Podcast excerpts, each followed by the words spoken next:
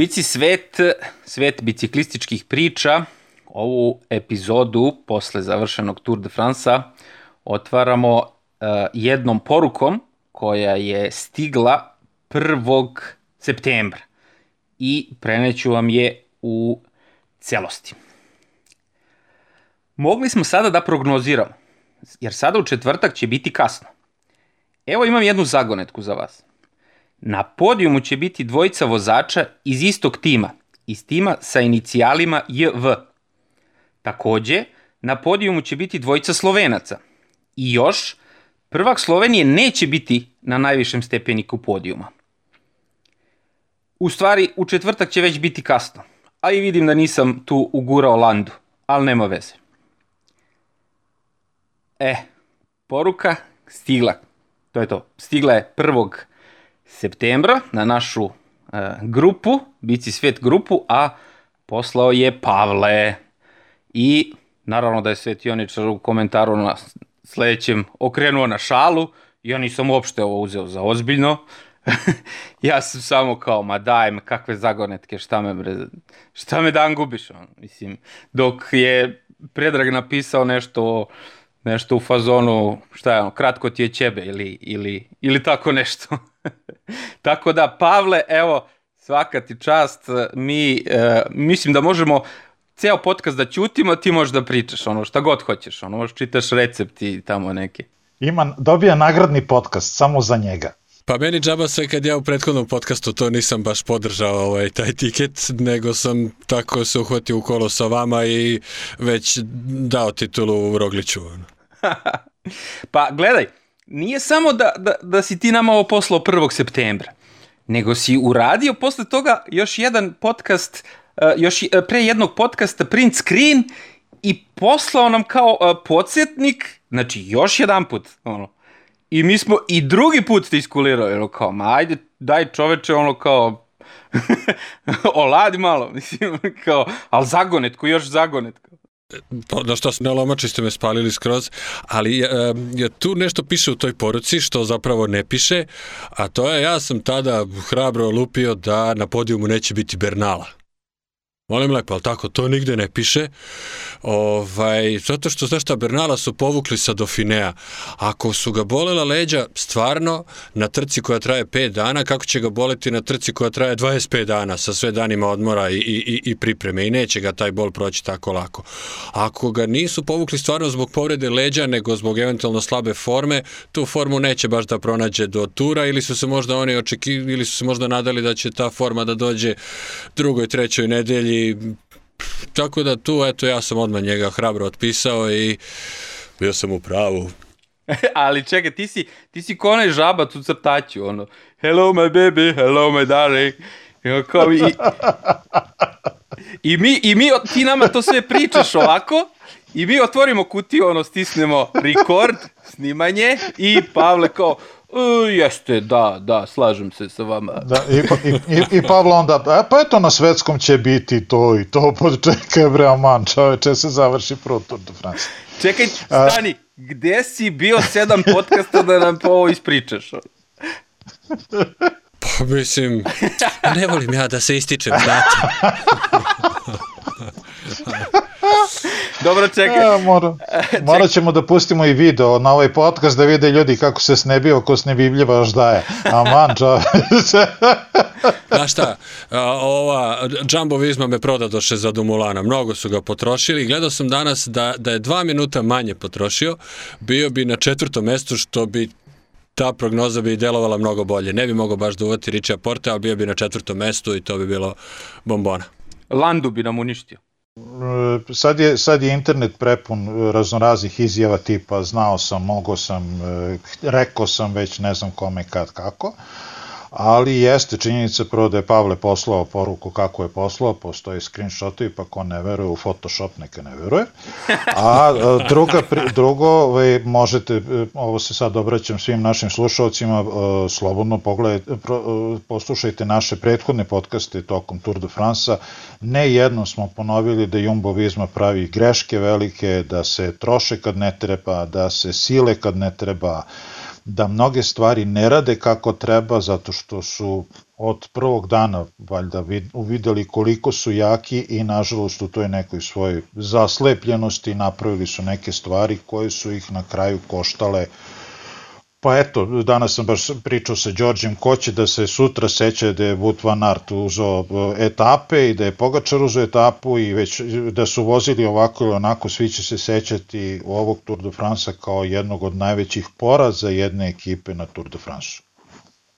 Ja mislim da je to ono Da, ostaće... Pečat koji su nažalost dobili. Eto. Ostaće to naravno svima kao što kažeš ti pečat i uh, podlegli su, rekao bih, tim, ja, meni je prvo prošlo kroz glavu to što su se oni trkali protiv Ineosa. Ja, trkali su se protiv Ineosa, nisu protiv Pogačara. I nisu uopšte menjali taktiku uz put. Mislim, i, i Eddie Merckx je bio naj, onako, čini mi se, najoštriji u tim izjavama, ono šta je sve rekao čovjek, ono, ne smeš ni, ni da ponoviš, ono, kao, sami ste sebe ubili, niste pustili trku da, da se odvija. Je, e, jeste, oni su, ja, ja mislim da su oni uh, bukvalno upali u neki antiklimaks kad je Bernal napus, ovaj, puko.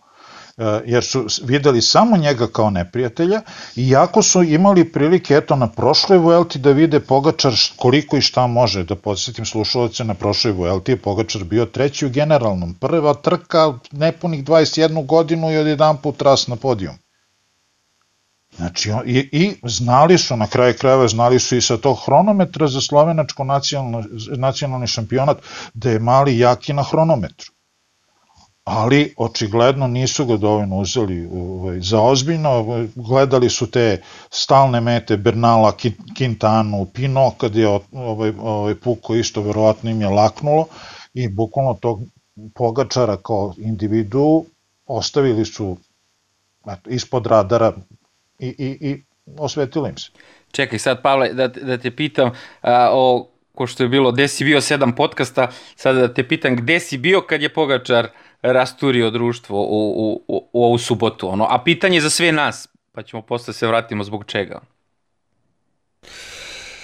Pa, nažalost, radio sam, bio sam u kabini, radio sam Championship League snooker poslednjih uh, 8 dana. Dakle, dani su mi izgledali tako što u 12 uđem u kabinu, oko recimo pola 1, 1, pola 2, kad je već početak e, etape Tour de France-a, pa onda paralelno dok radim e, snuker, oni voze, pa oni završe etapu, pa ja nakon toga još nastavljam da pričam i tako sam to sve pratio. Tako da sam ostao uskraćen za taj emotivni deo takvog e, jednog sportskog dešavanja koje je stvarno za, za, za pamćenje. Uh, Stuker naravno dozvoljava da malo baciš oko levo desno da vidiš šta se dešava na drugoj strani. Ja se sad uopšte ne sećam šta su ti ljudi na tom stolu igrali, šta sam ja pričao, jer ja sam pratio šta se dešava, u, naravno u, u, utišan prenos. I sad gledam ovaj na početku negde uzom mu je 15 sekundi i to je tako stajalo, stajalo, stajalo, stajalo, stajalo. I onda kad je počelo to sve da se dešava, Pa posle toga ovo na Twitteru, ovaj jedan me menšnovao, pa onda sad vi odgovarate, to sad tamo sti... Mislim, ja sam toliko aktivan na Twitteru, meni stižu tri notifikacije godišnje. U ovom trenutku krenulo da cvrči, krenulo da zvrnda, krenulo nešto da se pojavljuje. Ja sad, kažem, čuti, to sad radi prenos, ajde, bilo je šta je bilo, ne veze, gledat ćeš slike posle, pročitaš, ma ja čekaj da pročitam da im samo ovaj šta kaže, šta piše, kako je ko šta gledao. To je bilo, ja se to, toga ne sećam, tog uh, uh, me, snooker meča uopšte. Ovaj, posle sam naravno gledao ovaj hronometar ponovo, stvarno. A, a sećam se još, jedna, još jednog trenutka, jednog sportskog dešavanja, pre jedno deset godina, igrali su Partizan i Barcelona košarku. Barcelona te sezone bila neporažena. Recimo, prošlo dve trećine sezone, nemaju ni jedan jedini poraz, došli u pionir i Partizan u nekoj poslednjoj sekundi ih, ih dobije. I, I sad tu ono bilo sudijsko pregledavanje, da li je, da li bio faul, da li mu je pipno prste, nije, jeste, da li je istekla 0 sekundi ili šta se dešavalo i to je trajalo, mi smo znali da je Partizan tu sad dobio, međutim to pregledavanje trajalo tako jedno 10 minuta i onda oni kad su dodelili pobedu Partizanu, mi se već bili izduvali, već smo bili, pa, ne, sad nam više ništa ne znači, mi već 10 minuta znamo da to, a ne možeš se raduješ. Tako i ovo isto, znaš, a isto što bi, u, u, meni sad žao a, Roglića, strašno, ja sam navijao naravno za, za, za Pogačara i sve, trebalo bi da nam je sve, sve jedno ko od njih dvojice dobija, međutim, Đorđe, tvoj tweet u odgovoru čini mi se Vanjezi, on je pitao kao, idemo kakva je stvar, jel navijamo, za koga navijamo, šta radimo? I ti si rekao, pa navijamo za Roglića zato što njemu sad ili nikada, a ovaj mali ima još, još 15 godina da vozi. I onda sam ja tu se automatski tako tu sa tom svešću prebacio i sad mi je zapravo strašno, ža, pocepana su mi osjećanja potpuno, strašno volim ovog malog belog, to što urama neverovatno nešto, razumeš, a ovog mi je ovaj, ja stvarno siroti sa onom kacigom, znači baš je, ne šta kažem. Dobro, eto, super. Dobro, ajde, predrže sad ti. Gde si bio kad je, kad je Pogačar pocepao sve učbenike i sve knjige i sve tutoriale How to win Tour de France? E, pa ono što se zna, ja provodim najveći deo dana u bašti i uglavnom sam sebi, sebi tamo instalirao sve moguće uslove za praćenje Tour de France, ja gledao sam svaki sekund, osim subotom, eto, deo sam nekog projekta i svake subote sam išao za Novi Sad i e, uvek sam uspevao da na pola puta svratim kod tašte pa odgledam nekoliko sati prenosa, pa onda dojurim kući pa malo unazad. Uglavnom sam najveći deo dve subote gledao uživo šta se dešava. Ovo što se desilo sad u subotu je prvi put da nisam jedan jedini sekund odgledao uživo. I bilo je vremena, bilo je i mesta gde to da radim, ali rekao šta sad hronometar bez veze, neće se tu ništa specijalno dešavati, idem polako kući i stignem kući nekih 20 minuta po završetku hronometra i kao bacim pogled na Twitter, Twitter se usijao pandemonijum. Ovaj, ljudi u komentarima, pa i etapa, i majica, i ovo, čekaj bre, kom sa stani. I onda sam ovaj, e, odlučio da je najpametnije da ne komentarišem ništa, samo sam se javio da sam prisutan i da čitam komentare i da uživam. I, ovaj, i čekao sam da se slegne. Ovaj, još uvek nije sve, nisu sve kockice se smestile gde treba da budu. Verovatno ćemo još dane i dane provesti u nekim analizama, nećemo se ubijati smišljujući pohvale zato što već ih je prepuno ovaj, e, internet, ali ono što e, e, najbolja stvar u ovoj pobedi Pogačara, barem po moje lično mišljenje je, da Bernal je povukao nogu na prošlom Tour de France, 22 godine osvojio Tour de France, Pogačar sad osvojio sa 22. Pitanje je šta bi uradio Remko da, je, da se nije povredio na Lombardiji pa da je vozio recimo Giro ili Vueltu. Treba uzeti sad u obzir vrlo ozbiljnog malog drčnog hiršija, Znači, kad se pogleda, sve to dolazi čitava plejada klinaca koji neće ono da prolaze kroz korak po korak smenu generacija mi smo došli, mi smo tu, sad ćemo da uzmemo sve što može da se uzme, pa vi se Kovačić.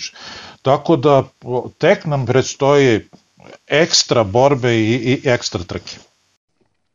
E, ja baš, baš zbog toga sam i postavio ovo pitanje, onako, zato što što sam i ja isto tako kao ti, ono, kao hronometar, ono, kao šta će tu da se desi, ono, mislim, ja došao, došao sam da gledam, ono, gledao sam kad će startuje deseti i kao je, odatle ću da dođem da gledam, onda smo, išli smo porodično tu, ono, pravili izlet i sve to, i vratili se kad startuje deseti i ide dalje, sad oni imaju još, od, od, sat vremena su vozili i, i, i malo jače.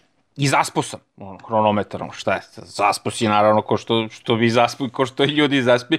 I srećom, pa me zvao, zvao me Milan Živković iz Amerike, mislim da mnogi slušalci znaju ko je Milan Žiković, ali biće tu uh, prilike za, za još priča o njima. Čuvena porodica Živković, ono Mića Živković, Tevan Živković, Milan Živković i tata Nikola i sve to. I, i sad je Milan u Americi koji daj, gde da gledam nešto se dešava, ono kao, mislim, ja buno, ono kao, šta se dešava, čekaj, stanje, ono, sad gledam one sekunde kao, ma ništa, kao, uzom u rogla 20 sekundi još, kao, znaš, mislim, ja ni, ne znam gde sam, ono, zaspao sam, I kao, i mi tu pričamo šta, kako, ovo sad, i hop, malo menjaju bicikle, vidiš ti to nešto gledam, ja tamo menjaju, i oni kao, samo ode, odoše one sekunde u crveno, ono kao, čekaj bre, stani, ovde nešto nije u redu, ono kao.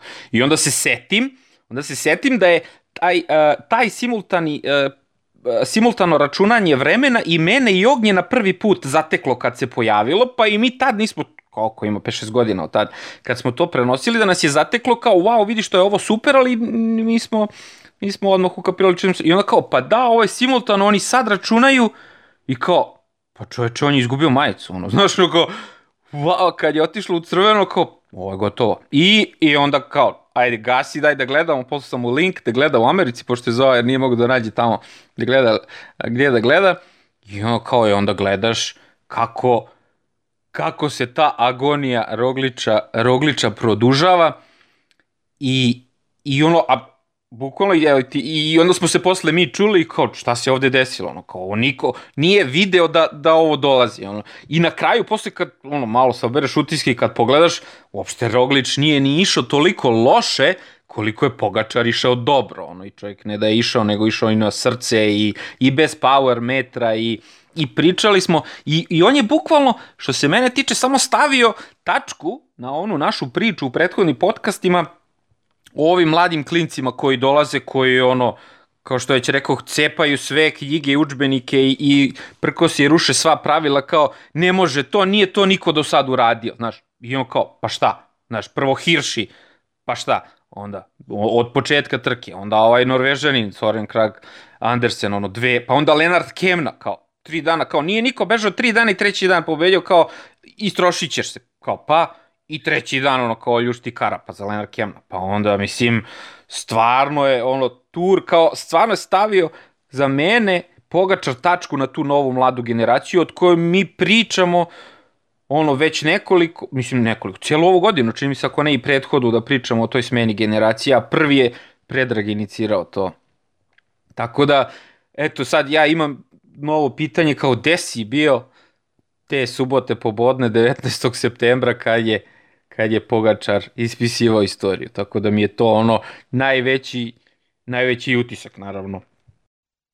Ja prvog tog, kako se sećam, paralelno su bili uh, Contador i Andy Schleck one godine ovaj, i to je stvarno bilo sjajno. A ovde sad, stvarno u svakom trenutku si očekivao da Pogačar krene da pada, da krene da, da, da, da, da popušta. U jednom trenutku to sa stiže, stiže, stiže. Pa onda hm, hm, i, i moje najbolje vreme Van Art ja sam se isto bavio proročanstvima i nekako sam mislio da bi bilo lepo da ako oni dođu u žutom i da Van Aert uzme poslednje dve etape, da uzme taj hronometar i da uzme sprint, što nije uopšte ni bilo nemoguće. Onda je njega Dumoulin pregazio za jedno 45 sekundi i onda je nastala ona slika da njih dvojica onako gledaju i, i ne znaju šta im se dogodilo, šta su radili 20 dana i sad gledamo onako kako se tope sekunde, tope se pa prelazi iz, iz zelenog u crveno što znači da je Roglič u crvenom, a eto, ispostavit će se na kraju, ovaj, ne znamo, ćemo se kasnije dotaći te etape ili sad već da, da pričamo o tom usponu, kako se, kako se Pogačar tu pripremao i par nekih sitnih detalja koji recimo su onako vezani za to, koji ne mogu sad nama sa svom naknadnom pameću ne mogu da kažu da to se desilo zbog toga, to se desilo zbog ovoga, prosto jedan je vozio kako je vozio, drugi nije vozio toliko loše, ali možda eto nije bio na nekom nivou, ali recimo par detalja detalja koje, koje su se pre svega pojavile informacije je da Pogačar je tri puta išao u Rikon, odnosno u izviđanje etape, ni jedan put na sam dan etape, već su oni išli prethodno to i da su oni targetirali tu etapu, da su oni otprilike planirali da bi to mogla biti zapravo da to može da bude kraljevska etapa, da tu može da se odlučuje i on je ceo taj dan proveo u, u, u hotelu, nije izlazio, nije se mantao sa publikom, nije razmišljao da li će bude zaražen, šta će da ide da ovamo, onamo, sede u hotelu, digo noge, jeo kikiriki badem i, i, i, i pripremao se, a takođe to je nešto što, što je Bradley Wiggins istako još u prenosu ko je gledao sa, sa Englezom, one a, izmene kako su rađene. Znači, jedan je radio izmenu u ograđenom delu, najkraću moguću izmenu kao u formuli i imao je bidon na bicikli. Drugi je radio izmenu kao da uopšte nisu probavali. Deluje da je, da je, da su, da je Beli prob, da su bi doslovce proda, probavali u boksu izmenu, a, a, a žuti su se samo dogovorili, rekli su je dobro, ti ćeš ta suda, tu da staneš, mi ćemo ti skinemo biciklu, ti ćeš da sedneš i da voziš. I sve je pošlo naopako, uključujući i onaj klipin sa, sa, sa, sa pedalama. On, znači, to se radi među navijačima. Gledao sam, jedan je na, Pogačar je menjao na 5700 do kraja, ovo je menjao na 5200, to je praktično isto mesto. Kako ovima nije palo na pamet da stanu tu da je ograda, da imaju svu širinu, dve trake, nema ni jednog navijača, nema ništa, tu su lepo sami, rade toko ljudi. Vamo, Roglič gleda kako će da spusti taj bicikl, možeš da ga zavrljačiš, boriš se za ono 450.000 evra, kupit ćeš neki bicikl, ako nešto pokvariš, nije problem, možda ga baciš da god doćeš, ima tu ljudi, pridržat će ga, stvarno nikakav problem, trči tu, znaš, tako da to, i nije imao bidon na ovome, ja sad znam da njemu ne treba dodatni teret, ne treba mu pola litre vode da sad on sad tu penje, ali koliko su se peli oni tu, 15-20 minuta, nisam sad gledao, možda i više, tebi tu treba malo nešto da cugneš, pa ti baci posle, posle 10 minuta baci ako ti je to teret, ali daj nešto tu, ovaj jedan je imao, menjali su minimalno moguće u ograđenom delu bez ljudi, ovi drugi nisu, ne znam kako neko ko je pakovao bicikl na krov automobila nije rekao ljudi što ćete vi ovde, šta ćete da piješ za njih pola sata. Ja bih dodao u sve to, čitao sam neke komentare baš na taj deo ovaj, oko, oko uspona na, hronometru, na hronometru i e, tu se pojavljuje još jedna, znači sad da krenemo da nabrajamo, sigurno ćemo naći berem 10 stvari zbog kojih je Jumbo Vizma bila jaka, a Pogačar slab. Ovo, ovo je još jedno mesto gde je Jumbo Vizma bila pa možda i najjača u celoj toj priči. Kad pogledate, oni su imali, Jumbo Visma je pre e, nastupa Rogliča imala Dumulana, koji je bio svetski šampion na hronometru, i Jak Brdaš koji je osvojio Giro. Imali su Wout van Arta, koji je, barem po mnogim mišljenjima, trenutno najjači čovek u pelotonu koji ne zna se šta radi bolje, da li bolje sprinta, da li ide bolje uz brdo i koji je aktuelni prvak Belgije u hronometru i njih dvojica su od, od, odabrali dve različite taktike. Domulan nije menjao bicikl, Wout van Aert je menjao bicikl. I jedan i drugi su svoje utiske javili ovaj, kolima koje su pratila ovaj, Rogliča. Na osnovu njihovih saveta i njihovih impresija o tome da li je lako voziti ovaj, hronometraš na onom brdu ili nije, Rogla je isto donao odluku da, o, o, da li će da menja ili neće. Znači imao je sve adute, video je sve karte na stolu. Nije bilo nepoznanice. Ja ne verujem da je takvu vrstu pomoći e, Pogačar imao od bilo koga iz svog tima. I opet se desilo to što se desilo. Ali i u okviru te pripreme možeš pretpostaviti, znači to su potpuno dva različita terena, prvih 30 km i poslednjih 6. Tebi pretpostavljam da za, za ravno ti treba veliki prenos, treba ti pozadi 11, na primjer, ajde 12 ili koliko god već napred. On je ovaj svoj drumaš, bicikl, imao potpuno drugačije napravljen zadnji prenos. Aj kažeš po, pozadi ima 13-15 pa nadalje i posle sve za po jedan zubac, da su mogli da imaju na po pola zubca napravljen napravili bi u smislu da mu u toj nekoj zoni u kojoj znaju da će da vozi, da on tu ima maksimalan komoditet da može da menja u svakom trenutku kako se osjeća.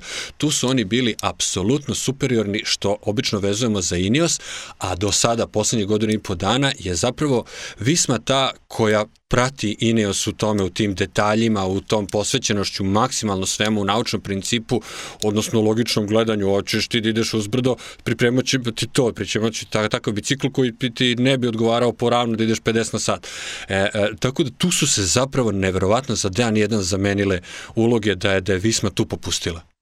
Pa ne, ne samo to, nego ovo što si rekao, Pavle, da je uh, da su oni pregledali tri puta, da je Pogačar znao svaku krivinu, svako brdo, to je on i posle rekao.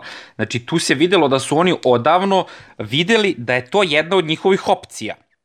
A imali smo, mislim, ovo je trka koja traje tri nedelje, znači 21 dan, 21 etapa, znači videli smo na tih 21 dan različite taktike, znači tri nedelje opcije je Jumbo Visma imao da menja taktiku. Oni to nisu uradili. Znači, oni su se trkali protiv Ineosa, što se mene tiče.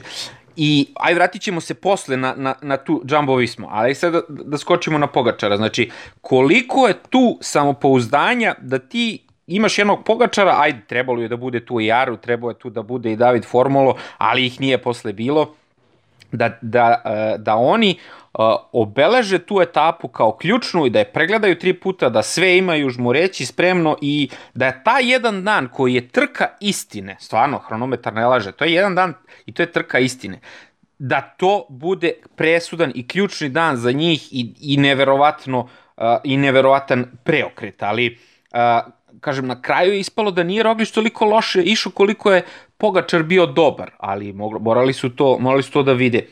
I, I meni je tu, mislim, Pogačar je ono bukvalno vratio vratio uh, vratio Tour de France na, na, po, na, na ona početna podešavanja, ono bukvalno ono restore default, ono kao a uh, restore default je Tour de France uvek bio šta čovek kao ljudsko biće može. Ono, I svi su mislili da, da je to sad što ljudsko biće može, da su to te matematike, da je to taj power metar, da su to ti vati, da je to ta trka koje Jumpo Visma odveze ove tri nedelja, a pre toga smo vidjeli da su de, godina, 10 godina skoro nazad vozili ovi iz Sky iz Ineosa. I ne, i onda dođe jedan mali koji ne nosi power metar, nego ide na, na, ono, na srce, na, na, na dušu i, i na osjećaj i tako se i trka. Videli smo i prethodnih dana, ne možemo sad, nije on pao s neba u ovu trku. Znači, on je jedini čovjek koji je uz Lopeza skočio i napao. Lopez jedan put, Pogačar jednom, drugi put, treći put dok ga nisu pustili pa je vratio 4 sekundi. Onda, sledeći put, e, znači, Rogla ga je jedva držao. Tako da, je, je sa te strane Pogačar otkrovenje, ono, i, i inspiracija klincima narednih godina da, da sednu da sednu na bicikli i da se trkaju ono kao neću, ne treba mi kompjuter, ja hoću da se trkam kao pogačar, nemam ništa na volanu, da ono, ostavim srce i dušu i posle sad izlaze izjave kako on stvarno pravi trkač, mislim, to smo mi videli, znalo se to i videlo se i na Vuelti prošle godine koliko je on, koliko je on dobar trkač. Ono. Ali, ajde se vratimo sad na ovo, na Jumbo Vismu i njihovu o, o, ovu taktiku. Ono, kao, mislim, meni je glavni utisak to da su podlegli tom pritisku Ineosa. I kad pogledamo, opet je Ineos taj koji je oblikovao trku. Jer kako, po meni? Tako što su oni bili ti koji su razvalili na onoj etapi po vetru, ljudi Pogačar je ostao pozadi. I bukvalno ga s time motivisali da napada narednih dana, da vraća vreme. Znači, opet opet Ineos, opet su oni tu u, u, u, u ovoj čorbi Mirođija. Jer da nije to bilo, možda bi i, i Pogačar sedeo i mirovo kao, ej, sedi, mirujem, ništa ne skačem, nisam izgubio vreme, što je malo verovatno. Malo verovatno kad po prirodi njegov temperament nije takav. Mislim, ali opet kažem, to oblikovanje trke od strane drugih timova je ovde bilo presudno. I ne samo to, nego i od strane Bore, koja se trkala svaki dan posle toga da i umara i Jumbo i Ineos. I, pardon, i Jumbo i, i, i Rogliča i, i, i na onim danima na kojima je kao trebalo da bude malo slabije trkanje, kao ode beg, pa ćemo jurimo beg. Ma kakvi, brate, juri Sagan zelenu majicu, pršti sve, znači umire, brate, i Roglič i Pogačar. Ono. Mislim, i s te strane to smo isticali kao, ovo je super, znači svaki tim ima svoju taktiku i to, ali mislim da je Jumbo podlegao toj taktici jer prepisivanje, da su prepisali sve od Ineosa i mislim, na kraju videlo se da je Pogačar bio najjači i kao sad neko će kaže kao prvi je Dale Brailsford rekao, a to je Eddie Merckx posle isto rekao kao e, nisu ubili trku kad je trebalo na vreme, kao ali ja pitam kako, ljudi gde? Znači kad je Pogačar bio jači od Rogle na svakom vrtu. Uh, to što su pominjali Brailsford i Eddie Merckx, uh, oni su pre svega prozivali Rogliča koji je vozio vrlo defanzivno. U fazonu, uh, jak sam, imam prednost, imam strašan tim oko meni nema potrebe da dalje napadam, nema potrebe dalje da uh, da ubijam druge, aj tako figurativno se izrazim, što se pokazalo kao potpuno pogrešno.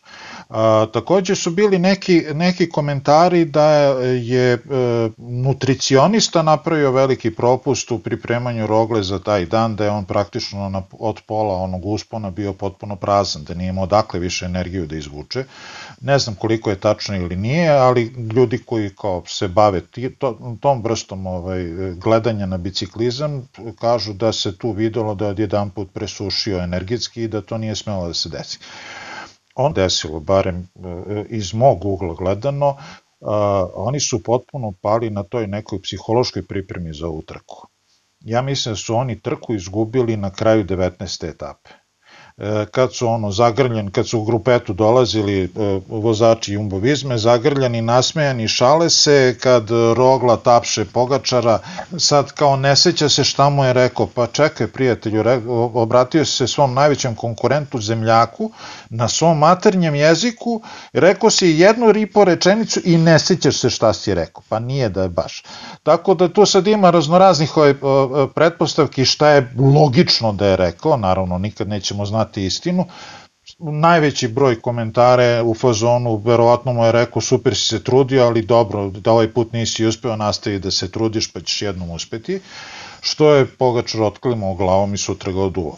Znači, e, e, samo bih da podsjetim, e, e, glupo mi da citiram samog sebe, ali moram, Jumbo je ubio Vizmu opet, Jeste, jesu tu oni možda neke stvari mogli da, da urade drugačije. Najviše smo prosto primećivali koliko su svojih vozača spalili u tom procesu, ali nekako tu su nedostajali napadi Rogliča. To je ovo što si rekao da on vozio defanzivno, vozio pasivno, oni su nedostajali. Ja sam a, a, pregledavao jedini napad koji njegov primećujem da nije odgovor na Pogačara je na 15. etapi, što na kraju nije uspelo. Znači, koja je poenta voza? Poenta voza je da drugi timovi presuše, da ostanu sami lideri, ako mogu čak i lideri da, da, ovaj, da, da i oni presuše i da onda ti kreneš da skačeš i da njima nema ko da prespaja poenta je da ti učiniš da lider ostane sam i da onda tvoj lider napadne da ovaj drugi ne može da da odgovori. Taj završni udarac je izostajao. Pojavio se na jednoj jedinoj etapi i nije dao rezultata, opet su, opet su stali, opet su stigli zajedno, a jedna još možda reč za Pogačara, mi stvarno nemamo šta više, jeste recimo 17. etapa kad je, kad je uspeo Miguel Angel da pobegne, ono kad je Sepp Kus njega povukao, e tu je Pogačar iskulirao, da li nije, nije mogao ili nije hteo, da li mu je javljeno iz automobila. Iz automobila sigurno ne mogu tom brzinom da odreaguju, ali da li nije mogao ili je možda on bio svestan jer smo sve vreme pričali čekaj ti sad, čekaj, mi smo pri tebi pripremili 20. etapu, ti ćeš da budeš na 20. etapi, nemoj sad molim ti da izlaziš iz senke nikoga. Tu je Rogla nekako pokušavao da se odlepi levo desno, tu je od atleta izjava, tu je njemu onaj taj očinski onako nastup prema, prema Pogačaru, a nije nemoguće da je upravo tu Pogačar, izgubivši 15 sekundi, dobio 2 minuta. Upravo o toj, e, u vezi sa tom etapom, e, svi se slažu e, da opet nećemo znati da li je to bila naredba iz kola, da li je Pogačar u samom sinolu ili jednostavno nije imao snage, ali se svi slažu s tim da u tom trenutku kad Lopez je već otišao daleko, Rogla mu odlazi, nije upao u paniku nije krenuo da, da, da menja ritam i da skače i sedište i da sagori za 20 metara i da dobije 5 minuta na kraju.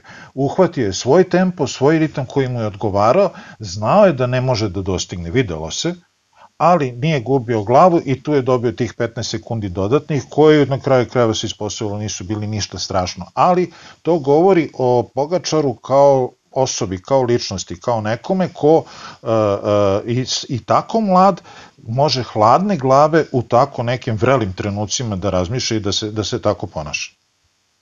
Tih 15 sekundi su tekako bile strašne, jer mi nismo smogli snage da kažemo da je nešto moguće, nego smo rekli, e, 15 sekundi, znači gotovo, pakuj se kraj, svi smo sad u žutom i ja i zdravo. Eto ti. Ja predlažem da svi skupimo po jedan dinar, da kupimo Pavlu nešto u znak zahvalnosti što je poslao poruku Greota, nisi uplatio tiket, šta da ti kažem? Mislim, nemoj, sledeći put idemo zajedno. Evo, pred, pred Giro, molim te, smisli neku takvu poruku, pa idemo u neku kladionicu da zaradimo pare. Ne, evo ja sad kažem, uh, Wout van Aert, prvi čovjek ikada koji objedinjuje iste godine titule na svetskom prvenstvu u, uh, na, na Hrono i na Drumu. Ako Wout van Aert bude vozio oko 21. etapu koju je vozio u Parizu, doći na svetskom u prvih 20, bit će dobro ako dođe od prvih 20. 5 km penjanja ih čeka prijatelju za nedelju dana, posle tri nedelje pogibije na, na tur. Ja bih zamolio producenta da izbaci ovaj Pavlov deo iz, uh, iz, ovog, um, iz ovog podcasta, ali pošto je Pavle taj producent, onda, onda mi propade ova molba. Ali, ali uh, o, o, nadovezu bi se ovo na Pogačara da, da stvarno dečko zbog tih 15 sekundi mi nismo verovali u to nemoguće, a on jeste. Znači, on dečko vraća svima nadu i, i daje inspiraciju celom svetu. Ono, mislim, ceo svet je preneo, ko je meni sve poslao poruku koju nikad u životu biciklizam nije ono, nije zarezivao ni 2%, bi je poslao poruku šta se ovde desilo, znaš, ono kao objasni mi molim. Tako da je pogačan inspiracija za ceo svet da, da ništa nije nemoguće. Znači, bukvalno, ovo je, zbog ovog gledamo tur, zbog ovog gledamo sport, jer u sportu ništa nije nemoguće. E, I, I sve te informacije i power metri i ona čuda i sve tad ono, e, vati, energija i nutricionisti, džuli, čuda, šta sve i 100 grama ovih badema i proteini i, i sve to ništa ne može da, da predvidi budućnost. Ono, znači, da je ujutru neko uh, Rogliću rekao, e, bit ćeš 30 sekundi iza Dumulana, ko, brate, pa to super, to je dovoljno da pobedim tur. Ono, kao, znaš, mislim, ali na kraju nije čoveče. Došao je, došao je Pogačar, izleteo uz to brdo i ono kao, ej, ljudi, pomer, pomer, znači, bukvalno tur je, kažem, vratio na, na, na fabrička podešavanja, jer uh, čovečanstvo nas, i tur nas uči kro, kroz na, celu tu istoriju, e, ovo je limit. Ovo je lestvica preko, niko, preko koje niko nije preskočio. I onda dođe neko kao pogačar i preskoči i kaže, pa šta? Ono kao, mislim, dok neko ne dođe i preskoči i kaže ajde idemo sad dalje. Ali to nije samo, kažem, Pogačar ovde uradio. Znači, to rade klinci od starta. Znači, Hirš od prvog dana, drugog sa ono kad je sa Filipom. A ne ide taj dan, aj sledeći. Pa to niko nije uradio, jao, znaš. Ne ide ni taj dan, aj sledeći, treći dan. I opet razvali Ala Filipa i sve i kao, u redu može. I kao, i mi svi ono, va. I onda dođe Vout Van Aert, kao, ne, ne, da, ne može, onda ide uz brdo, ne, ne, ne, naš, ono, kao, i ono kao, Vout Van Aert, jedan dan trese brdaše, drugi dan sprinta sprinter, ono, kao, ne može to, znaš, kao, objasniti nekom da ne može, kao, objasni Vout Van Aert, znaš, objasni nekom običnom gledalcu biciklizma koliko je to wow, znaš. I onda 20. dan dođe Pogača, znači mi 20 dana pričamo ko je Vout Van Aert Superman, i on dođe 20. dan Pogačar i omlati Supermena za 81 sekundu. Ono, minut je 21, koliko je izgubio na vetru, da ironija sudbine, ono, znaš, isto toliko, u sekundu isto, i kao, i sad mi, i mi svi, ono, va, otpade nam vilice, kao, što, znači, ne samo nama što gledamo, nego biciklistima koji to tamo voze, koji stiskaju i gaze te vate, koje mi ni u snu neće moći da sanjamo koliko oni to stiskaju, kad je njima ono otpadne vilice i kao šta se ovde sad desilo, znaš ono kao sami sebi ne mogu da objasne, a onda slikatura je bukvalno za mene kad ono onaj Dumulan i Wout van Aert gledaju kao da su duha videli, ono kao, znaš, kao da su videli, znači ono, ono, ono leptiricu iz, iz onog mlina, vrate. E, koji, koji vam naziv filma pada na pamet kad pomislite sad na ovaj Tour de France i Pogačara? Meni pada, ne, razmišljam se između Ramba i Rokija, ono, sam protiv svih i protiv svih opklada. Meni prohujalo sa vihorom. prohujalo s pogačarom. ne, ali stvarno, bukvalno ono što si rekao, sad pomenuo si da, da Tour de France je život za sebe i pokazuje ti kolike su ti granice i koliko je neko pre toga te granice pomerao, pa sad da li si sposoban da pomeriš, nisi sposoban. ali e, stvarno gledano kroz, kroz prizmu raznoraznih filmova na koje smo se uložili, ovo, ovo je stvarno bilo sam protiv svih. I mimo svih e, predviđanja, među svih, e, mimo svih opcija, mimo svih prognoza, čovek koji je on je, sam je rekao za sebe da je njemu e, životni san bio da uopšte dođe na Tour de France, da vozi tu, pa ako uradi nešto, uradio je. I pitanje je koliko bi on u stvari imao prilike da uradi šta je uradio, da, da je Aru bio u Iolu u nekoj formi da nije napustio, da je Formulo nije pao i slomio ključnu kost. On je praktično došao, se, je isplivao kao treća opcija tima. I, i, I nešto je treća opcija, nego 1003. fantastična opcija. Mislim, ovo što, što si rekao, mene podsjeća na ono što, što gledaš i, i čitaš i u svim ovim i na, na sve strane to pršti iz svih, ovih life coach tutoriala, predavanja i svega toga, da je tajna uspeha da ti nije stalo. Mislim, nije sad njemu da nije stalo, nego je dečko apsolutno bio zadovoljan sa tim drugim mestom tog jutra. Znači, on je bio presrećan i sa tim drugim mestom. On je uopšte bio opterećen šta će tu da se desi. Znači, pregledali smo sve, uradili smo sve kako treba. Znači, više nije do nas. Znači, samo ja sad izađem i da odvezem to onako kako najbolje mogu i umem, apsolutno rasterećeno. I to je pro, pro, pokazala njegova izmena bicikle, promena bicikla. Znači, ko što je Pavle rekao, stao, lepo, spustio, naslonio, a, a kod ovih se trese sve, ono, i mehaničari, i rogliči, i svima je mnogo stalo. E, Neil Rogers, jedan od vrlo jakih poznavalaca biciklizma i e, pratim njegov nalog na Twitteru, je fantastično rekao u jednoj rečenici. E, Pogačar je vozio fantastično zato što nije imao šta da izgubi. A Rogla je mogao da izgubi sve. I taj pritisak je takođe u većoj ili manjoj meri mora da utiče što bi uticao na bilo koga od nas, na bilo kog čoveka, to je ljudska priroda. Ovaj, tako da je to nešto što sputava noge, sputava mišiće, e, u grču si, a ovo je, ko što re, kaže Đorđe, seo na bicikl, idem da se provozam do, do, ove, do cilja što, najbo, što bolje mogu, jer ja sam super odradio, ja, moje drugo mesto nije ugroženo, neću ga izgubiti i meni je to u ludilo. Eto.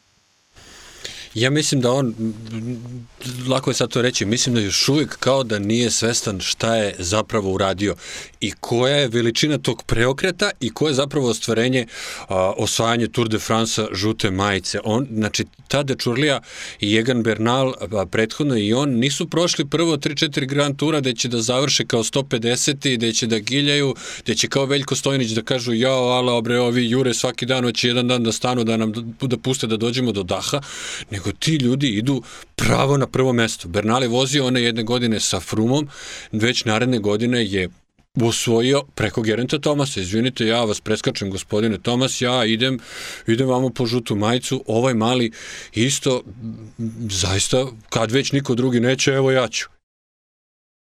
Eno, prošle godine smo radili švajcarsku i komentarisali smo koliko je Bernal već tad vozio zrelo, zrelo, zrelo da mu Ineos ništa nije, da, da, ovaj, da mu Roha ništa, Denis ništa nije mogao da, da, da, da, da primiriše, da, da ga na bilo koji način poremeti. Znači, čovjek, momak je tad imao koliko, nepuno 21 godinu Bernal, vozio je najtežu višednevnu trku posle Tour de France i posle ovih Grand Turova, kao da je ono, izle, idem na izlet. Znači, sad je ta generacija koja dolazi, uh, ne, malo možda grubo reći da nemaju, da nemaju ni malo respekta prema starijima, sigurno imaju i znaju da trebaju da pitaju, da uče i da gledaju na kraju krajeva, ali im, im, nemaju to, kao što smo pričali za dobre spustaše, ovaj, on isključi osigurač za strah i samo tera, tako i ovi isključe, to ste, Đorđe, ti i Ognje vrlo često govorili za biciklizam, ne možeš da, da, se, da se nadaš pobedi ako nisi spreman da izgubiš. Znači moraš da napadneš, pa sad puko ne puko. Ove, ovaj, to svi oni rade. Napade, eto pomenuo si kambu, Kamnu koji tri dana za redom ide u B, galo bre, dečko da se nam, i na kraju otrese onako Karapaz i osvoji etapu. Znači to su stvarno ljudi koji taj neki strah, e šta će biti ako ne uspem, jednostavno potiskuju, nemaju, to, to ne postoji. Idem, pa uspeo, ne uspeo. Šta, ako ne uspem, sutra se vraćam, pokušam ponovo. I nije im bitno, apsolutno im nije bitno. Ono, probao sam, nije prošlo. Mislim, ko što i Sagan kaže, to prvi Sagan počeo kao, da, nije, probao smo, nije išlo danas, sutra će ide. Ono, mislim, i, i ovi klinci isto, Bernal prošle godine, ono kao, Mislim, što sad, ono, kao, skačemo, džabu, tamo, amo, ali praktično isti scenarij. Prošle godine Ala Filip ceo tur nosio majicu, dođe Bernal dva dana presvuče kraj. Nema dalje, nemaš kad više da mu skineš. Sad ove godine još kraće, čoveče. Bernal vozio dva dana. Pogačar jedan jedini, ono mislim i kao i, i Emirati otvorili sa Kristofom poneli žutu majicu jedan dan i doneli je zadnji dan. Mislim, i, i između ih nigde nije bilo. Mislim, ali u stvari ih je bilo, ono, ne možeš ti da, ne možeš da objasniš ljudima koji su oni trud između uložili da ih to baš ne bude nigde, da se kriju iza ovih koji ono vucite, brate, idite tamo, mi ćemo da profitiramo na, na, na, na, tom, na toj vašoj taktici, ono što je stalno Jonathan Waters potencirao kao za Rigoberto Urano. Mi ćemo čekamo dok se oni ispucaju pa ćemo da ima naše, naše šanse. E, To niko nije iskoristio, iskoristio samo Pogačar koji je ono, dečko, i te kako zreo, to svi ističu da je ono, nevjerovatno pra, dobar trkač i te kako zreo, zreo trkač, ono. I, I samo ono što sad nije se desio sad, mislim, statistike ove nećemo da ulazimo u to šta je sve prvi put ovo, mislim, sve je rekorde srušio, od, ono, oduvao je sve, ono, kažem, tur, vratio je tur na ono 1903. Ono, znaš, kad je išla etapa 400 km i kada ajde da vidimo šta ljudski organizam može, ono, kao, ovi su svi mislili da može sa power metrima i ovim vatima do ovde i oni su se dotle trkali, ali ne, brate, došao je Pogi i preleteo tu sad, znaš, nego ono, kad prave paralelu sa ovim, turom kao 89. On, ja to nisam gledao, jeste tu 8 bilo sekundi, ali uh, potpuno je druga dinamika trke to bila. Znači, dinamika trke tamo bila da su i, i Finjo i Le Monde menjali se, preuzimali jedan drugom žutu majicu tamo, vamo, i zadnjih, ne znam koliko je bilo, kilometara Uh, hronometar je bio nizbrdo i 50 sekundi za ostatka je uh, Greg LeMond pretvorio u 8 sekundi prednosti. I to je kao, wow, ludilo. Ali ovo je potpuno drugačija priroda trke.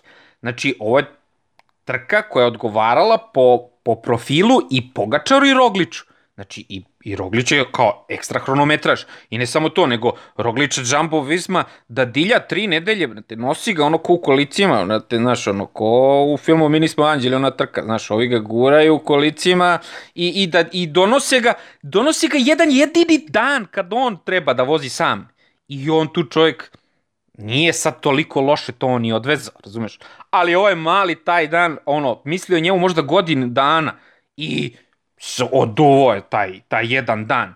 I ne samo to, nego što je prethodnih dana su ih mučili i Bora, i ne znam, ovi Sun Web, koliko su oni ljudi vukli tamo za sprint i za, znači, svi su imali svoju neku trku i svi su se trkali na, na, svoj neki način i plus ovaj jedan hronometar je bio hronometar na brdu gde ono kao i Rogli i Pogačar odgovara.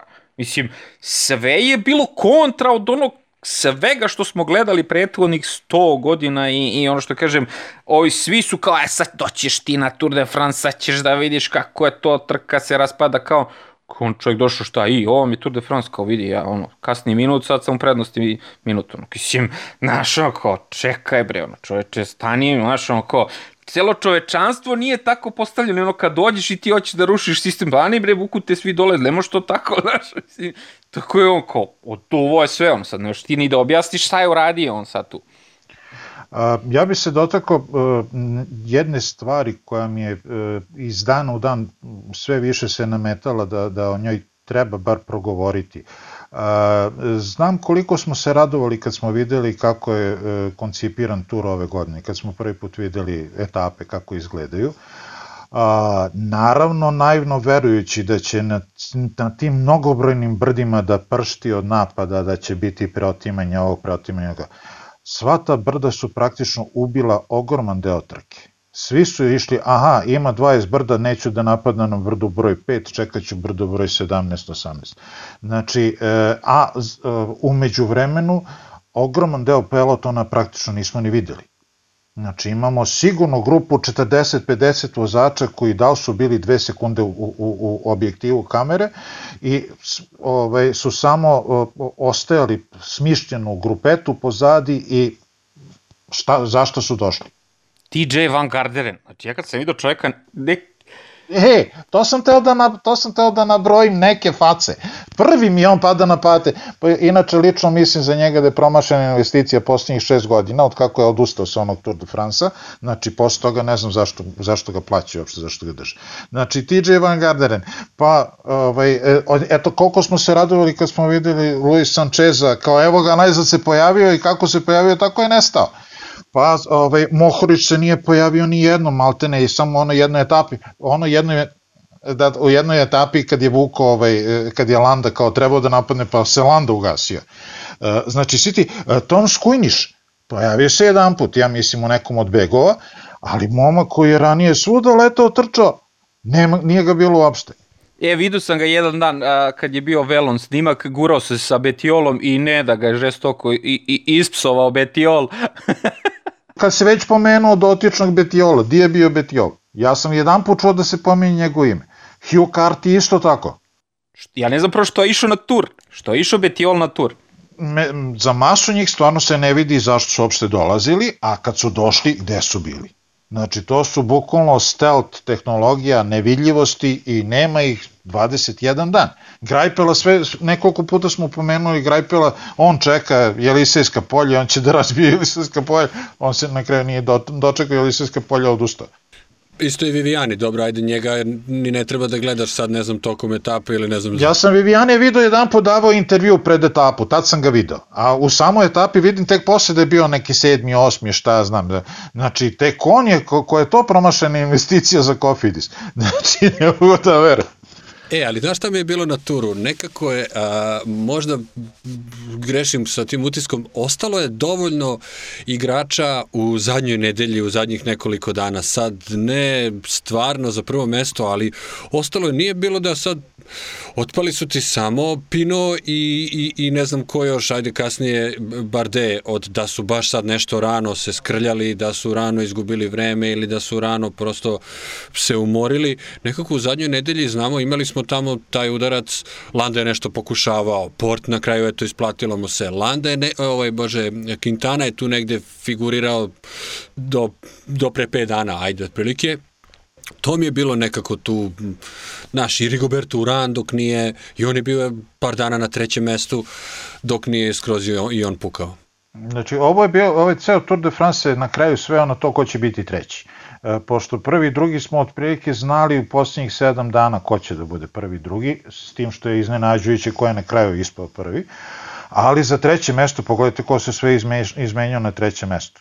Znači, bilo je baš ono plejada nekih lepih imena koje odavno nismo videli tako visoko i žao mi je što nije bilo mesta za sve njih. Vrlo mi je drago zbog Riči Porta, eto, najzad je završio, čak ono, kad je mu je pukla guma na onoj etapi, rekao neće vede sad to da ga upropasti, ali završio je, završio je na podijumu, I to je što se njegovih nekih individualnih uspeha tiče naj, najviše što će dobaciti, koliko znam sledeće godine ide u Inos, ubacuje se u voz i tu više nema nekih mesta za izlete ovakve onako.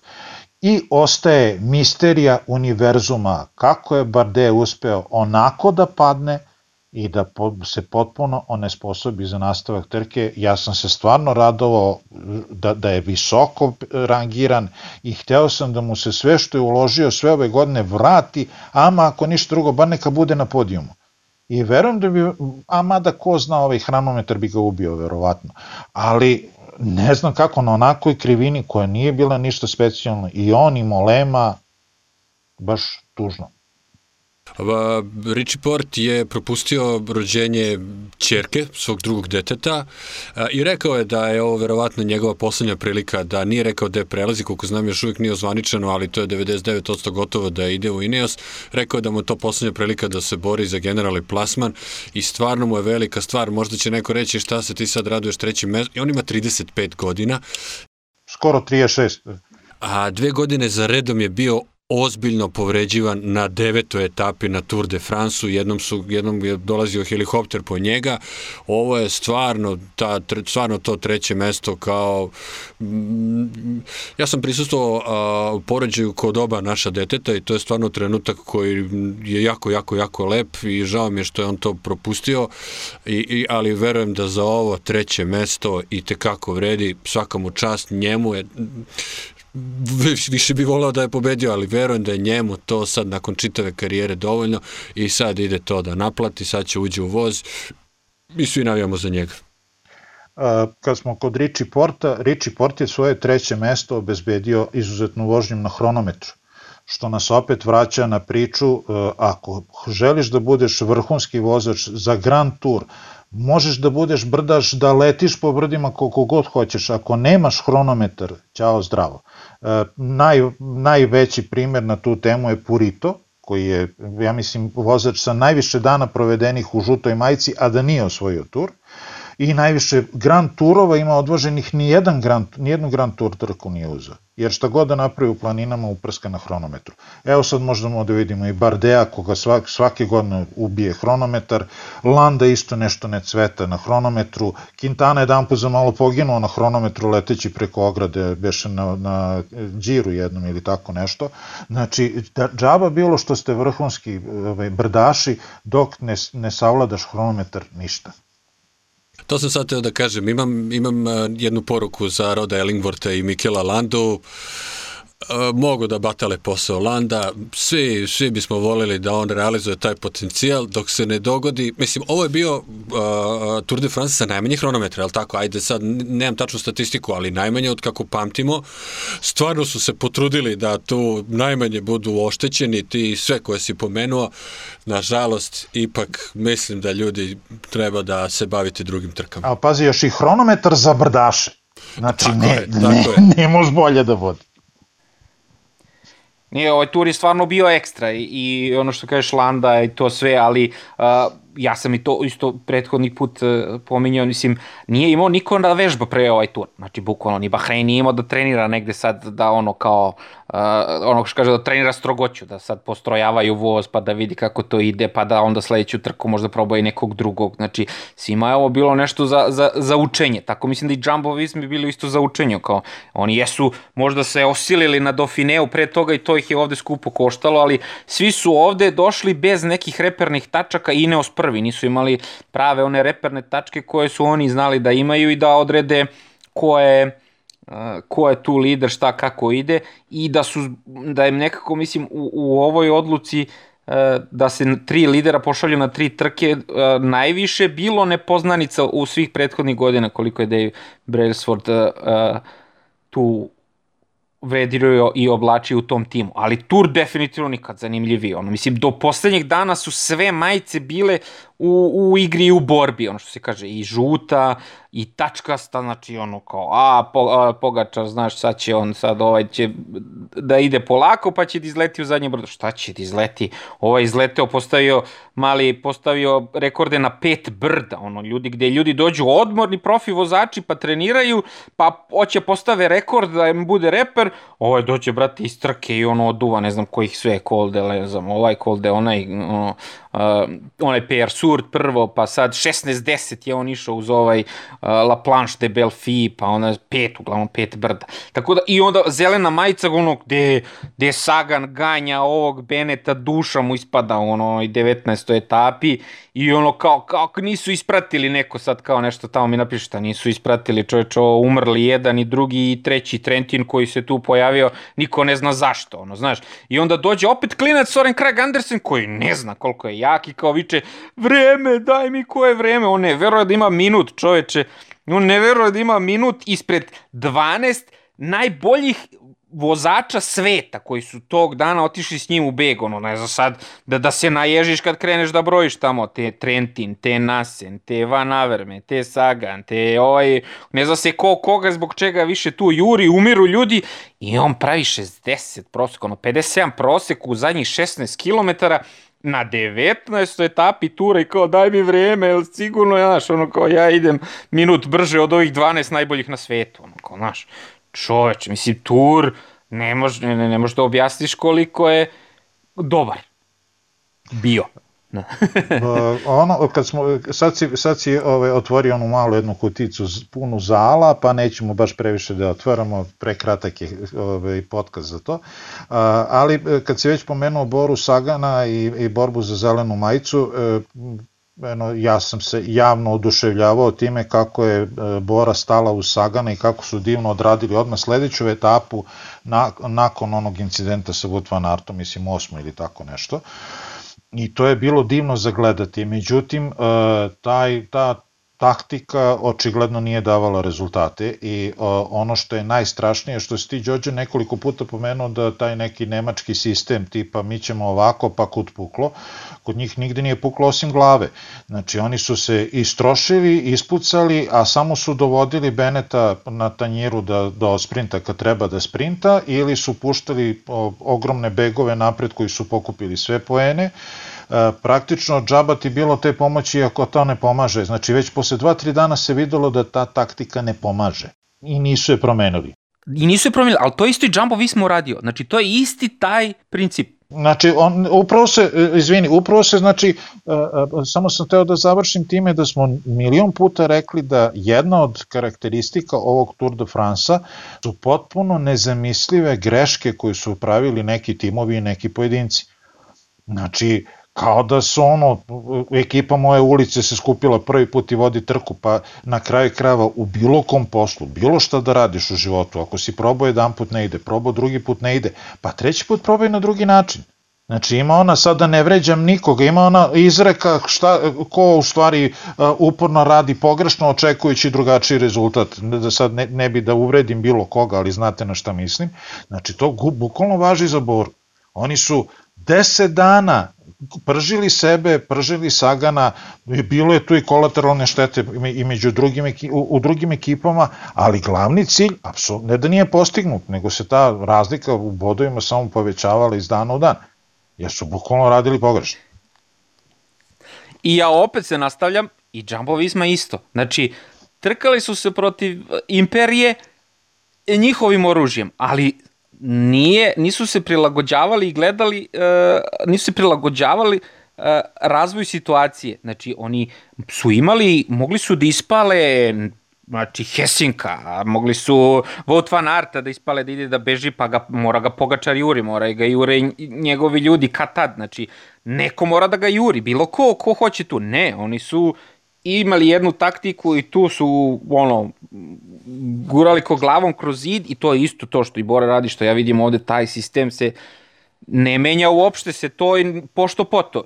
E, ali vidiš recimo ti ti tu uh, tvrdoglavost, pogubnu tvrdoglavost vezuješ za taj nemački karakter, ali pogledaj Sunweb, koga smo mi prozivali za disciplinu, krutost ovom i onomi, uh, Sunweb je godinama isto to sa Dumulanom radio i videli kao, e, ne ide je, znaš, kao odoše svi, nema, ne ide. E, ali vidiš sad, ali vidiš sad kako su, vidiš kako, kako su sad doveli izuzetno fleksibilnu ekipu. Oni su poveli Tiš Benoa da bude prvi čovjek e, ekipe i da juri generalni plasman. Posle 5 dana se videlo da njemu ne ide. Ostaje pozadi u grupi, dobio, već počeo da dobija vreme. Ok, klinci, sad idemo s vama. I oni se vraćaju sa tri etape dobijene i imaju još i dva podijuma Hiršijeva, jedno drugo, jedno treće mesto. Ako nisam još nešto propustio. Znači, to je masa timova, ne, ne da bi dali bi suvo zlato da imaju pola tog uspeha na ovom Tour de France. E, znači, dve ekipe iz iste zemlje sa, a, kaži ga, istim nekim krutim stavima, jedna se prilagodila Znači, odmah su se svičovali, aha, dobro, glavnom čoveku ne ide. I ono što mi se strašno dopalo, i to recimo moram da pohvalim, i Tižbenoa i Domolana. I jedan i drugi su došli kao prve zvezde tima. Nije im išlo, kompletno su se stavili u službu tima. Eno, gledali smo Tižbenoa kako često ide napred, vuče, vuče svog čoveka, prati svog čoveka, prespeja kad treba. Domolan je odradio lavski deo posla za roglu ono jedne, na jednoj onoj etapi što je malo jače potegao, pa rogla za malo crko, ajde to. Ali, e, generalno gledano, bukvalno od, posljednje, od prve do posljednje etape bio roglin čovek i tu kapa dole, svaka čast. A ja, ja sam isto izdvojio Sunweb, stvarno su, stvarno su, kao i Bora što su bili zabavljači tokom nekoliko dana, tako i Sunweb fantastičan posao obavio i to sad, evo, kad ste, kad ste, kad ste pomenuli, njima sledeće godine dolazi a, ovaj, kako se zove, Barde i oni su nekako sad tu pregrmeli nekoliko godina i vraćaju se u poziciju kad su oni imali sa Dumulanom osvojen Giro i sledeće, da, sledeće godine su imali na turu a, zelenu i tačkastu majicu. Uzeo je Matthews i ovaj, kako se zove, Francus što je uzeo, Bargile uzeo, je uzeo tačkastu. Jedna ekipa da uzme i zelenu i tačkastu Ne, ali pogledaj on, njihovu kupovinu u posljednjih godina, oni kupuju sve što, mlade šampione uh, ispod 23 godine i ispod 19 godina. Znači imaju, ja mislim, trenutno tri aktualna svetska šampiona su kod njih, ti mladi, klinci. Oni će ponovo da imaju, ne kažem da će sledeće godine da uzimaju tačkastu i zelenu, ali će imati čoveka koji će ići na, na Grand Tour i imaće ove majstore za klasike za tako neku tu etapu kada je već treća nedelja, kad žuta majica će da pušta beg od 15 minuta baš ih briga. Tu zaista ovde kapa dole svaka čast. To je još jedan od, od utisaka po kojem je obeležena ova trka. Mene uopšte ne bi iznenadilo da oni svičuju uh, Hiršija da bude vozač za Grand Tour da bude vozač za generalni plasman. Jer momak ima sve, ima, ima brda, ima eksplozivnost, ima hronometar. Znači šta mu fali? Fali mu samo pet ljudi da bude iza njega. I on može komotno da napada neko od Grand Tour. I Hirsch je bio najveći zabavljač i dobio je tu nagradu, ono kao najagresivnijeg vozača, ono crveni, crveni broj, daj sad da kažemo. I, i, i, i Sevap je, se, baš ono, ispravna, ispravna odluka žirija kogod je odlučio o tome. Evo ja da kažem. Ajde ja volim da kažem najborbeniji vozač, agresivni su ovi što kad popiju ne ljube se i ne pevaju, nego će tu da ispravljaju krive drine, a ovaj je najborbeniji vozač.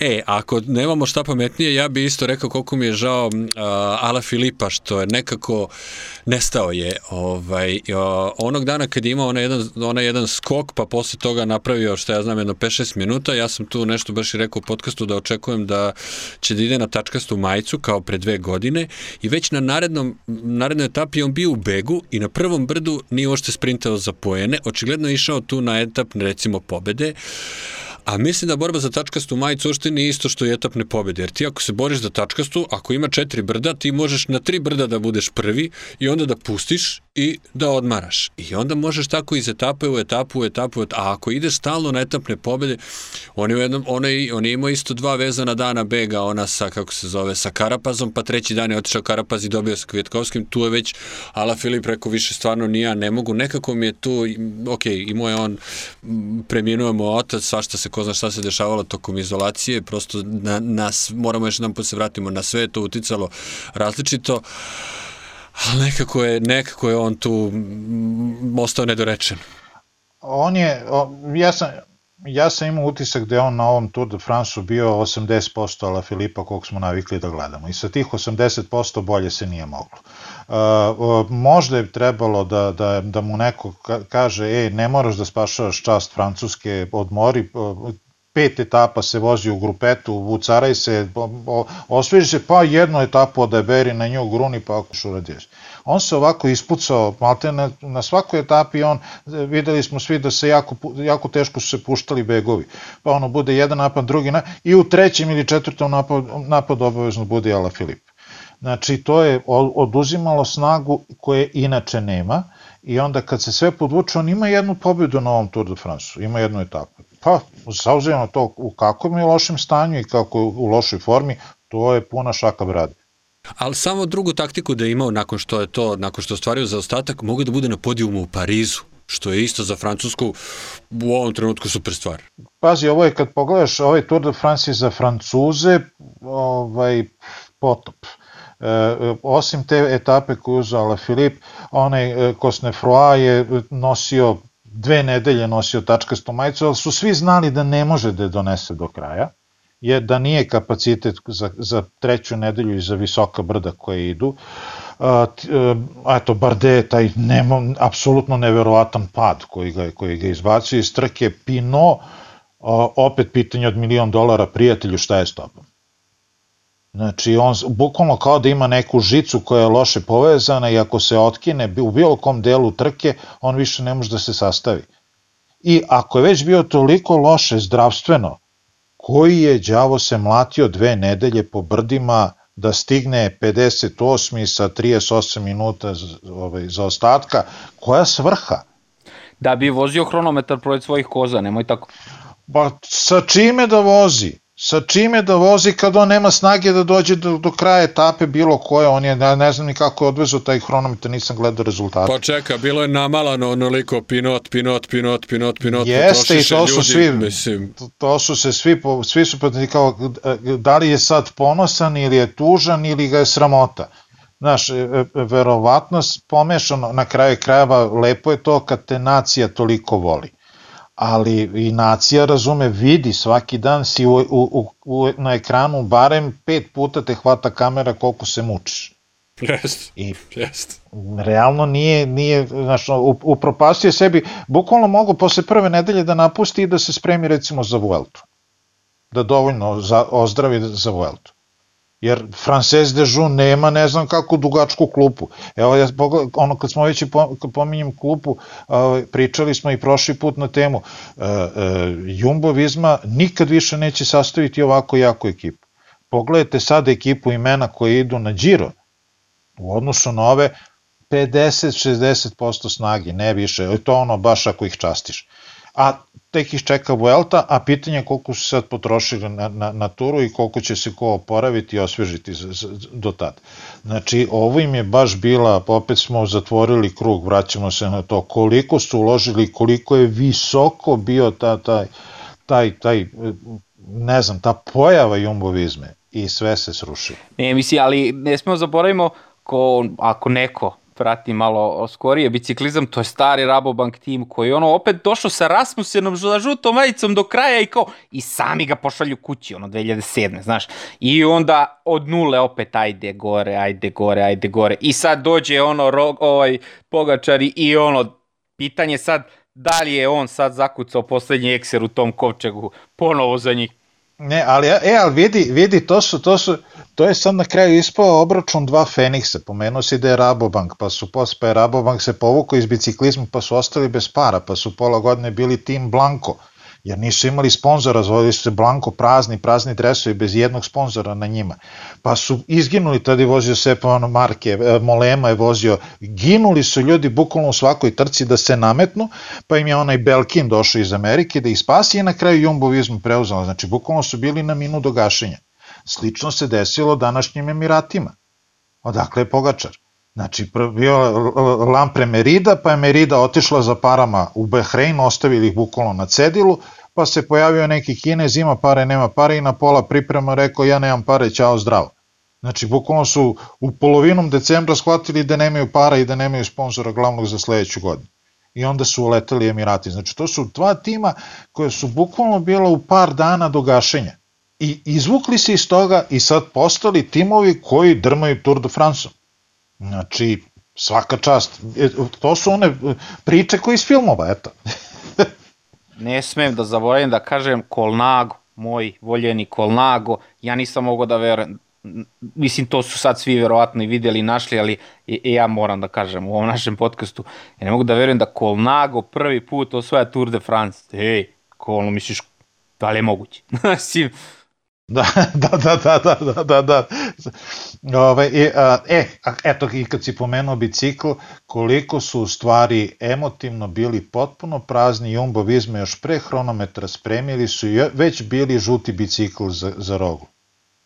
Oni su već sve, kompletan scenarij ima, mi smo pobedili Tour de France, samo ćemo da formalno završimo hronometar i da prošetamo Elisijskim poljima ajde kažeš, to je, meni se ne sviđa ona žuta. Ona, okay, pa neka Bjanki žuta, ali ono nije klasična žuta, izvinite, vama se ne uklapa taj fluo Bjanki, ono nije, nije ta žuta. Izvini, ovaj, da te samo podsjetim, ovaj, teoretski ljudsko oko raspoznaje 256 nijansi žute boje, tako da svaka žuta je dobra žuta. Što se mene tiče, da, da ja uđem u žutu majicu, neka bude i crvena, samo neke žute. Tako da Pavle nosi naočare, samo da znate, pošto nije video podcast. Inače, da, i nosi, ne... i nosi crnu majicu zato što ne razaznaje boje, jedino crnu možda prepozna. Hoćemo da privodimo kraju, mislim, možeš pričamo cijelu noć, naš je podcast baš Ajde, briga. Možemo, stvarno možemo, milion sati, ali i ovo što smo rekli, ovaj, premalo smo rekli, morat ćemo da napravimo podcast verzije 1, 2, 3, part 1, 2, 3, da premosti nedelju za novu godinu pravimo ono, prolazimo ponovo Tour de France, ono, znaš, kao, uh. da, da, da, da, etapu po etapu. Da, da, oh. svaki dan. Još nešto, sad smo se zaboravili što kažemo zadnji dan, kao je, pobedio ovaj Irac, znaš. e, ništa, sa, pošto sutra, sutra kad, danas je ponedeljak, sutra se, da podsjetim sve koji prate biciklizam, sutra se vozi drumska trka za belgijski šampionat i očekuje se da bude ekstra dobro trkanje, tako da ako probate, a ja ne, nisam proverio da li Eurosport prenosi, ne bi me iznenadilo da prenosi, pošto je i po imenima i po svemu izuzetno jaka trka.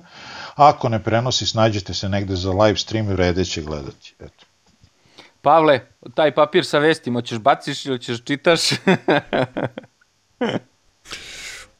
Pa nisam se pripremao, ovo nam je TDF specijal. Trke bile, trke bile prošle, šta ima aj zdravo. Ono, mislim, je stvarno, ovaj tur je bio ono, jedan u, u 100 godina i šta sad, kakve vesti, kakve hronologije, ono, ko prati biciklizam, zna šta se vozilo tu, bile sad neke trke po Poljskoj, bilo sad tu neki tamo jednodnevne trke, ali ovo što smo gledali na turu je ono, bukvalno da nas drži ono, do narednog tura, ono, baš, a, a ova sezona, ono, tiltovat ćemo, ono, ne zna se šta pre, šta više ide. Ono, kao za dve nedelje imao sledeći Grand Tour, ono, kao, brate, ko će to da izdrži, ono, mislim. Ali, preživećemo nekako. I sezonu klasika i Vueltu, u, sve nas čeka. Svetsko je sledećeg vikenda. Eto, Pavle, možda kažeš 50-60 rečenica o svetskom, tako ukratko samo upoznaj ljudi. Pošto goriš od želje već tri nedelje da pričaš o svetskom. Još nije izašla startna lista, čoveče, ne znamo ko će da vozi. Pobedit će Pogačar. Pa ne, jeste, mislim sad pitanje stvarno ko će voziti sa Tour de France-a, a nije nemoguće da prosto neko odatle dođe, imaju nekoliko dana malo da odmore, da se spreme, u dobroj su formi, drugo ovi koji idu na Giro. Jedinstvena je situacija da je to između Grand Toura, obično je posle Vuelte, pa tu sad ko je u formi, ko jeste, ko nije. Setit ćemo se istog Primoža Rogliča koji je nakon osvajanja Vuelte se slikao sa Ronom Denisom kojemu je uzao 2-3 minuta koliko sad tu beše razlik na koliko se startuje tu ovaj, kod poslednjih on je stigao posle uh, Roana Denisa na tom, na svetskom, na hronometru. Pa jeste malo misterija, eto, pr prosto jedinstvena prilika i ovi što se spremaju za Giro i ovi što su završili tur i ovi što se spremaju za Vueltu, svi su tu prisutni, Italija, Francuska, tu su, neka izvole. Na drumu znam da Pedersen neće braniti titulu, izjavio da je ova staza preteška za njega i neće ići na svetsko. Saga neće ići na svetsko, to sam danas čuo. A ostali, i postoje neke preliminarne ovaj, liste koje se pojavile, ali e, poslednji e, termin za ovaj, zvanično objavljivanje startne liste je subota prepodne. Dobro to, u 5 do 12, ono, znaš, kao zovu ljude iz hotela, kao ovaj pošao na trening, stani, stani, da, da, da, ideš da. na svetsko. Ajde da popunimo broj nešto. Stani, stani, ideš na svetsko. Mislim, stvarno luda sezona, ono, ne zna se tu, uh, niko pije, niko plaća, ali ovaj tur je bio uzbudljiv. A od naših ljudi isto, ono, kao, svi su zatečeni, kao, bukvalno kad su prošle, preprošle nedelje objavili svetsko i od naših ljudi praktično neće niko da ide jer je jako komplikovano zbog svih ovih testova i svega toga, ići će samo Ognjen Ilić vozići hronometar i, i to je ono, mislim, dečko i trenirao, sad videlo se prethodnih dana je ozbiljne hronometre neke po Austriji vozio i imao super rezultate, tako i da se proba i, i, i svaka im čast, ono, oni to porodica Ilić to iz svog džepa sve finansira i, i svaka im čast, ono, godinama već. Ja sam zaista zaintrigiran da vidim šta će da se, do... šalu na stranu, stvarno, da vidim ovaj, šta će da se dogodi na hronometru. Imam nekoliko favorita, jedan od njih nije možda Stefan Kung, koji je tu stvarno favorit za, za titulu. Voleo bi da uzme Rohan Dennis, jer je on jedan bad motherfucker, uzim, uzeo bi treći put za redom, čovjek koji nema dlake na jeziku, a obavlja posao. Voleo bi da uzme Dumulan, jer se propisno žrtvovao, simpatičan mi je. Voleo bi da uzme Geren Thomas, koji se negde pojavljuje da bi mogao da se zainteresuje tu da, da vozi. Sumnjam, sumnjam jer je jako blizu Điru, a Geren Thomas ide na Điru, tako da ne verujem da će da, da vozi hronometar. Ma 30 km, Sumnjam. nedelju dana je razlike. Pa nima nedelju dana da se odmori od jedne vožnje od 30 km. Ne znam, hoću da kažem, to bi je baš to eko interesantno, pogotovo što zbog sve ove godine nemamo uvid u to ko bi šta tu mogao da uradi. Biće, verujem da će biti interesantno. Mislim, cijela sezona je takva, ono, niko nema uvid u to šta je bilo, pa da, nek, na, da nešto analizira neke podatke, ono što su svi navikli i opet bit će sigurno super trkanje i bit će Biće super podcast sledeći ponedjeljak opet. I da, evo, završavamo ovaj podcast. Mislim da smo u, u standardnoj našoj minutaži i da kažemo da se sad otprilike vraćamo na naš taj e, termin ponedeljkom snimamo podcaste i odmah to miksamo i objavljujemo i da vas pozovem da nas naravno e, preporučite drugima, da širite dobar glas ako vam se sviđa ova naša priča, da preporučite još nekom da to poslušajmo na, na svim uh, većim audio platformama, Spotify, Google Podcast, uh, Apple Podcast, uh, tu je Anchor.fm, tu je naravno YouTube kanal, sve ostale društvene mreže. Na Twitteru smo, kažem, naj... Uh, aktivniji zato što je to najbrži protok informacija, tu možete s nama da razmenite vaša mišljenja i E, to je to. za ovaj post-tour podcast. Ovo je bilo naših par reči u ovih sati koliko minuta za kraj ovog Tour de France 2020. Prijatno i do slušanja. Svako dobro, prijatno. Takođe, prijatno.